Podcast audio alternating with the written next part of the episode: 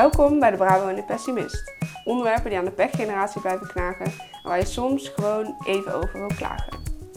Dus Friso, hoe kennen wij elkaar en hoe gaat het nou eigenlijk echt met jou? We kennen elkaar nog steeds van de Universiteitsraad en uh, jij hebt sociale wetenschappen gedaan, ik heb een economische achtergrond en uh, jij komt uit een klein dorpje in Brabant. Uh, ik kom uit de stad in, in de Randstad. En nou, het gaat inmiddels wel weer wat beter met mij. Ik had gisteren laatste tentamen, uh, maar ik merkte in de weken daarvoor dat het echt wel, uh, dat ik dingen vergat en zo. Dat het gewoon best wel veel was geweest met leren, maar ook scriptie en ik heb ook een sollicitatieproces gedaan. Dus ik ben blij dat dat allemaal achter de rug is. Gewoon heel druk eigenlijk. Ja, en maar hoe gaat het met jou? Ja, kan beter. Eerlijk antwoord. Uh, veel gaande, persoonlijk leven, fysiek kan het ook wat beter allemaal. Ik ben ook mijn huis uitgezet, dus dat is ook nog wel een, dingetje in Rotterdam natuurlijk. Dus ja, samenvatting is, kan beter. En vandaag gaan we het dan natuurlijk ook hebben over mentale gezondheid. En daar had de staatssecretaris van Ooyen ook wel een mening over. Nou, ik maak me ontzettend veel zorgen over uh, de mentale gezondheid van kinderen en van jongeren. Die geven aan dat ze met eenzaamheidklachten uh, rondlopen, met, uh, met stress, noem maar op. Ik maak me hele grote zorgen over. Maar ik maak me ook zorgen over dat we denken dat dat altijd met professionele hulp op te lossen is. Want heel vaak is het niet een, een, een professional die het kan oplossen, maar de gemeenschap, de samenleving. En daarom heb ik gezegd, ja, daar moeten we echt het gesprek over aangaan. En die maatschappelijke dialoog, daar ben ik vandaag gestart. Dus stelling 1. De staatssecretaris heeft gelijk. Uh, nou, wat ik wel opvallend vond van zijn uitspraken of van, uh, van het artikel wat erbij zat, is dat er eigenlijk bleek dat dus meer dan de helft van de jongvolwassenen tussen 16 en 25 die kampt met psychische klachten. En bijna de helft van de jongeren voelt zich eenzaam en 47% uh, ervaart stress. En ik schrok wel echt enorm van die cijfers, uh, want volgens mij laat dat wel zien dat er echt iets gaande is in de samenleving. En dat kan te maken hebben met prestatiedruk of andere financiële druk of whatever. Maar dat is wel iets waar we denk ik met elkaar over moeten hebben. En dat is natuurlijk ook wel een van de dingen die jij zei, los van natuurlijk het statement wat hij maakte over dat ouders minder snel hun kinderen naar de uh, jeugdpsycholoog moesten sturen. Maar volgens mij heb jij daar vooral een hele sterke mening over. Ja, ik denk dat als je het gewoon hebt over niet per se wat hij zegt, maar de manier waarop hij het zegt. Er zijn heel veel mensen die gewoon eindelijk een taboe doorbroken hebben en die naar een psycholoog durven gaan. En op het moment dat iemand als een staatssecretaris dan gewoon hardop zegt en alle krantenkoppen zeggen het daardoor ook, ga niet meer naar een psycholoog. Ja, dat heeft heel veel effect op mensen. En juist degenen die kwetsbaar zijn, die gaan het snelst aan zichzelf twijfelen. Ja, heb ik het inderdaad wel nodig? Ben ik inderdaad mentaal er slecht genoeg aan toe om naar de psycholoog te mogen? Nou kan ik ook uit eigen ervaring spreken. Soms is het veel verstandiger om er gewoon op tijd bij te zijn. Dan dat je het achteraf zo in de put zit en denkt... Ja, nu ben ik eigenlijk wel mentaal erg genoeg. En dan heb je een wachtlijst van zeven maanden. Dus ja, ik vind het een kwalijke zaak dat het op deze manier zegt. Juist voor degene die mentaal kwetsbaar zijn. Ja, en hij zei het natuurlijk wel ook, uh, hij zei het ook wel juist vanwege die wachtlijst en die druk op die jeugdzorg, denk ik. Want hij zei, gaf ook aan in dat interview van ja, het loopt nu zo erg vast overal en we kunnen mensen die Sorry, het echt jeugd, nodig hebben. Jeugd bedoel je jongeren ook, hè? Want hij had tussen Ja, de ja, 16 nee, en maar, de 25. zeker. Nee, maar de jeugdzorg, zeg maar, dit loopt helemaal vast. Dus dat is ook denk ik wel voor deze groep. Ehm, eh, dus het punt wat hij juist maakt is dat de mensen die het echt nodig hebben, die eh, juist de ruimte hebben om, om hulp te kunnen krijgen. En niet inderdaad op zo'n wachtlijst eindigen van zeven maanden. En wat je zegt over die, eh, als je er snel bij bent, dat, eh, dat kan goed helpen. Vind ik wel een interessant punt. Want ik heb wel het idee dat we misschien ook minder dan vroeger met elkaar in een soort van, ja, vriendenkring wil ik niet zeggen, maar gewoon toch met elkaar, zeg maar, daar over bepaalde problemen kunnen praten. Ik heb het idee dat jongeren wel meer op zichzelf aangewezen zijn en meer geïndividualiseerd zijn dan, zeg maar, pak een beetje 25 jaar geleden. En ja, dat is wel iets, denk ik, waar we misschien ook met z'n allen eh, meer op kunnen focussen. Dat we ook gewoon elkaar blijven ontmoeten. Bijvoorbeeld een van de nadelen van online onderwijs zou kunnen zijn dat we elkaar niet meer tegenkomen. Dus ook niet meer in de pauzes van colleges over kunnen praten van... Goh, wat vervelend dat jij je huishoud wordt gezet, kan ik je helpen? Of hey, ik weet toevallig dat er hier en daar nog een plekje vrij komt. Ja. ja, en bijvoorbeeld dat mijn zusje is dus 4,5 jaar jonger. En toen hebben wij dus samen een tijd op de middelbare school gezeten. En ik weet ook nog dat mijn jaarlaag was eigenlijk gewoon de, la- de laatste jaarlaag. Dat we gewoon nog volop met elkaar aan het kletsen waren in de pauzes. En in de ja, generatie van mijn zusje, je ziet dat iedereen, zelfs al zitten ze naast elkaar, alleen maar op zijn telefoon zit. Ja. Nou wil ik daar niet als een of andere oude doosje over klinken. Boomer alert. ja, maar het is wel inderdaad iets dat je minder met elkaar praat. En dan misschien meer op zorgverleners ehm, terechtkomt. Maar wat we niet moeten vergeten, is dat er natuurlijk ook enorme crisis aan de gang zijn. Er zijn heel veel mensen die gewoon echt zoiets ervaren als klimaatangst. eh, en verdriet daarover hebben. Of de oorlogen daar enorm veel stress van hebben. Ehm, ja, er zijn nog veel meer onderwerpen te bedenken. Nee, ja, zeker. En ik wil ook totaal niet zeggen hè, dat mensen die hulp nodig hebben en, en inderdaad met een professional daarover moeten praten, die, hulp niet zouden moeten zoeken. Maar ik probeer een beetje aan te geven van, heel vaak kom je bijvoorbeeld ook gewoon toevallig in gesprek met iemand op een oplossing voor een bepaald probleem. Omdat, nou ja, wat ik zeg, toevallig diegene heeft gehoord van een, van een woning die vrij kan komen of zo. En ik denk dat dat soort dingen nog steeds wel heel erg belangrijk zouden kunnen, kunnen zijn. En misschien dat dat ook wel een beetje helpt om, eh, om die druk iets te verminderen. Tegelijkertijd is ook gewoon eerlijk waar dat eh, 25 jaar geleden ging 1 op de 27 kinderen naar de jeugdzorg. In grote steden is het tegenwoordig 1 op de 6. Dus er zijn ook gewoon inderdaad hele grote veranderingen. En deels zit dat denk ik ook in die taboe doorbreking. Dus dat mensen hè, makkelijker eh, eh, over bepaalde problemen praten. En dat lijkt me alleen maar hartstikke goed. Oké, dan kunnen we nu door naar eh, stelling 2.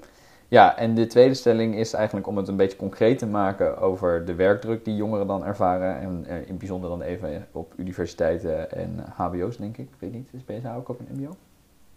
Dat moeten we even opzoeken. Anyways, de stelling luidt eh, het BSA verlagen van 60 naar 30 punten, zoals minister Dijkgraaf voorstelt, helpt bij het voorkomen van werkdruk. En- Ja, of in ieder geval het verlagen van de hoge werkdruk. Ja. En even, BSA is natuurlijk het uh, binnenstudieadvies. Ja. Ehm, Dus het aantal punten dat je in je eerste jaar moet halen om door te mogen ja. op de universiteit. En nu wordt dan wel in het plan van de minister zo dat je dan na twee jaar in ieder geval 60 punten moet hebben gehaald. ja, ik zat dus bijvoorbeeld mijn eerste jaar op geneeskunde in Rotterdam. En daar was BSA het jaar voor mij nog 60 punten. Dus je moet 60 punten halen in je eerste jaar om door te mogen naar het tweede jaar. Nou staat geneeskunde algemeen bekend als best wel een heftige studie voor veel mensen.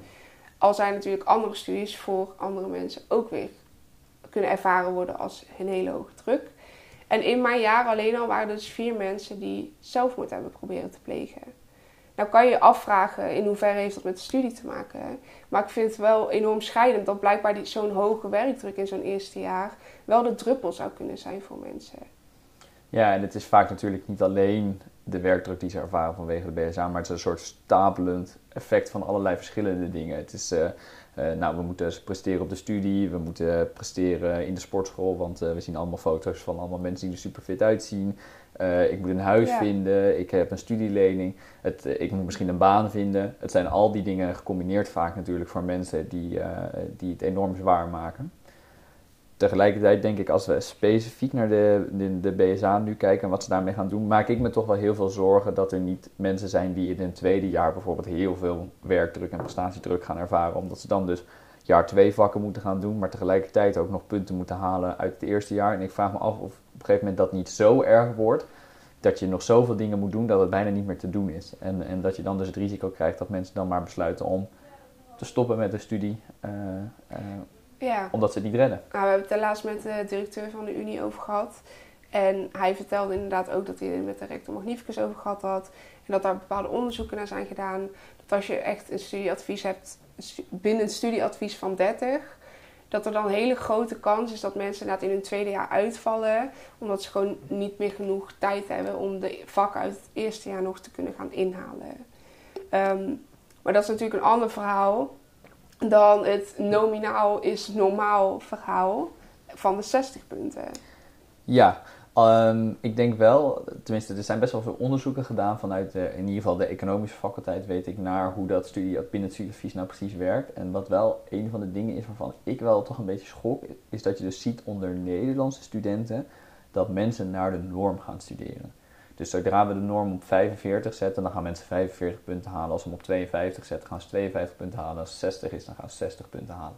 Dus er zit kennelijk in de, en het geldt niet voor internationale studenten, want dat zal waarschijnlijk een ander soort student zijn, want ik ga naar buitenland, veel geld, dus je wil het halen. Mhm. Maar dus bij de Nederlandse studenten zit toch nog wel een soort van de, de echte zesjescultuur, Zesjescultuur, zit ja. er nog wel echt in. En dat is eh, denk ik ook ooit een van de redenen geweest om het eh, BSA in te vo- voeren. Om te zorgen dat mensen niet... Vroeger deden mensen vijf jaar over een bachelor van drie jaar. En eh, dat moest gewoon sneller. Tegelijkertijd zijn er ook heel veel dingen die je daartegen kan zeggen. Eh, bijvoorbeeld, zouden we mensen niet gewoon überhaupt veel meer ruimte moeten geven om zich te kunnen ontplooien en niet alleen maar bezig zijn met hun studie. En daar valt denk ik ook heel veel voor te zeggen. Ja, ik wou net zeggen, laten we even teruggaan naar waar we het nu eigenlijk over hebben. Want we hebben het alleen over studie en studiepunten. Maar het gaat er natuurlijk uiteindelijk om dat de maatschappij veel meer van jou vraagt tegenwoordig dan alleen een diploma. Ja. Je moet ook nog, god weet hoeveel ervaring hebben. En je moet ook nog jezelf ontwikkeld hebben in een commissie. En trouwens, je moet ook mentaal gezond blijven, stay hydrated. Nou, dat is best een lastige taak. Als je ook nog eens een keer geen woning kan vinden in Rotterdam. Eh daar komen nog even wat klimaatprobleempjes overheen gespronkeld. Dus als je jezelf ook wil kunnen ontplooien als persoon, dan is die 60 punten voor heel veel mensen niet meer haalbaar. En zelfs dan is dat hele jezelf moeten ontplooien als persoon ook iets wat de maatschappij nu nog steeds op jou drukt. Voor veel mensen kan dat intrinsieke motivatie zijn. Maar aan de andere kant, als je even heel eerlijk kijkt naar wat mensen nou eigenlijk willen, de meeste mensen weten het helemaal nog niet. Het is ook niet zo gek dat zoveel mensen na het eerste jaar studie afvallen, want we zijn gewoon nog zo ontzettend jong. En er wordt al zoveel verwacht van de jonge generatie. Het is ook oké als je het gewoon nog niet weet. En het is ook oké om niet oké te zijn. Dat is zeker helemaal oké om in jouw te blijven. Ehm, ik vind wel enigszins, kleine nuancering is denk ik wel op zijn plaats. Wat ik heel veel zie bij mensen die ik dan spreek, is dat ze, eh, die hebben bij wijze van spreken al een fantastisch cv en die doen al superveel dingen ernaast en hebben twee masters afgerond en weet ik het wat allemaal. Maar die laten zich eh, tot op bepaalde hoogte ook denk ik wel een beetje gek maken doordat er dan wordt gezegd dit is allemaal, dit verwacht de maatschappij van jou dat jij dat doet. Ik denk dat dat best wel meevalt tot op bepaalde mate. En dat dat ook iets is wat we misschien zelf nog groter maken en nog op, meer opkloppen dan dat het daadwerkelijk is. En ik zou wel mensen ook willen meegeven om soms even iets meer afstand daarvan te nemen. En ook bij jezelf afvragen, ja, moet ik nou echt nog, moet, moet ik deze commissie doen omdat ik het, of wil ik deze commissie doen omdat ik het leuk vind? Of ga ik dat doen om mijn cv nog verder op te poetsen? Want zeker met de, en dat is dan even de econoom die gaat praten, de krappe arbeidsmarkt die er nu is, staan werkgevers natuurlijk echt wat te springen om alles en iedereen die ze kunnen krijgen. Dus laat je vooral niet opnaaien, zou ik willen zeggen, door wat, wat je denkt dat anderen van jou verwachten. Want ik denk dat dat heel vaak ook wel iets genuanceerder ligt. Ja, het probleem is wel dat dat kan je zeggen als je mentaal stevig in je schoenen staat en mentaal zeker en veilig en oké voelt. En er zijn gewoon ontzettend veel mensen die zich gewoon niet oké voelen. Nou, zie dan nog maar eens tegen jezelf te zeggen: ja, fuck de maatschappij, ik doe het wel op mijn eigen manier. Maar- Dat is niet iets wat heel makkelijk is. Dat ben ik helemaal met je eens, maar daarom denk ik dat het heel goed is om daar met elkaar over te blijven praten. En dat je dus ook eens een keer iemand anders hebt die dat spiegeltje jou kan voorhouden. eh, om je daarbij ook juist weer te helpen. Eh, en ook te laten zien, het is niet allemaal nodig. Doe ook vooral wat je leuk vindt. Dat zou ik willen zeggen. Zeker als je zo jong bent. eh, maak je niet zorgen over wat de impact kan zijn van eh, nou, de studie of de commissie die je dan doet over vijf, zes jaar. Maar doe vooral wat je leuk vindt. Je komt dan altijd denk ik wel, wel goed terecht. En je slaat jezelf echt voor je kop als je dan na zes jaar lang terugkijkt en denkt... had ik maar toch gedaan wat ik leuk vond. Dus En- dat is jouw laatste. Oh, zeg En dat is eigenlijk, ben jij daar nog het beste voorbeeld van. Jij dacht altijd, ik wil super graag geneeskunde doen. En toen was je daar in het eerste jaar en toen dacht je, ja, nou dat kan je zelf misschien best vertellen, maar dit is niks voor mij. En ben je, heb je ook toch de keuze gemaakt om uiteindelijk iets anders te gaan doen. Ja, maar ik zal je vertellen hoe dat komt. Omdat ik een, een, een opvangnet heb en een omgeving heb. Ik weet ook dat ik inderdaad bedacht, ik word hier gewoon echt helemaal niet gelukkig van. Dit past eigenlijk helemaal niet bij mij. En dat ik op een gegeven moment naar mijn oma toe ging, maar ik was er zo verdrietig van dat ik ermee ging stoppen. En mijn oma die begint te huilen omdat ze zei: Ach, kind, was je maar eerder gestopt. Ik zag het al zo lang aankomen. En er zijn nog steeds zoveel mensen die gewoon niet zo'n soort reactie krijgen Mm. van hun vrienden en familie. En die zeggen van: Ja, geneeskunde, dat moet je echt doen. Dat, dat, dat, dan krijg je status, krijg je geld. Dan heb je echt wat bereikt in het leven. Dus ik heb het geluk dat ik een omgeving heb waarin ik dat zo veilig kan zeggen en kan doen. En dat is echt een voorrecht en dat hebben heel weinig mensen. Dus bedankt voor jouw laatste oproep. En mijn laatste oproep zal zijn aan ehm, ja, staatssecretaris van Ooyen, let op wat je zegt. Want juist de mensen die het meest kwetsbaar zijn, zullen het eerste luisteren. En dat is precies het tegenovergestelde van wat u probeert te bereiken. Mag ik dan nog een laatste, laatste oproep doen? ja, doe je ding. Dus ik zou twee dingen willen zeggen. Dat is dus inderdaad, help elkaar. Spreek met elkaar hier zoveel mogelijk over. Juist de reactie die jouw oma ook bijvoorbeeld gaf. Uh, ik denk dat het heel erg belangrijk is dat we er voor elkaar zijn als generatie. En een tweede, wat ik echt heel erg belangrijk vind, want ik zie dat dat uh, heel vaak nog bij mensen echt wel misgaat, is dat er een soort schaamte is voor de problemen die je dan ervaart.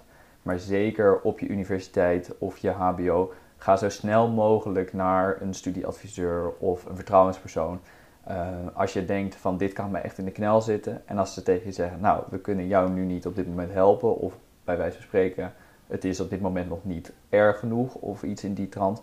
Maar dan heb je in ieder geval, dan is het, dan is het oud in die open. Dan weten mensen ervan af en dan kunnen ze daarna uh,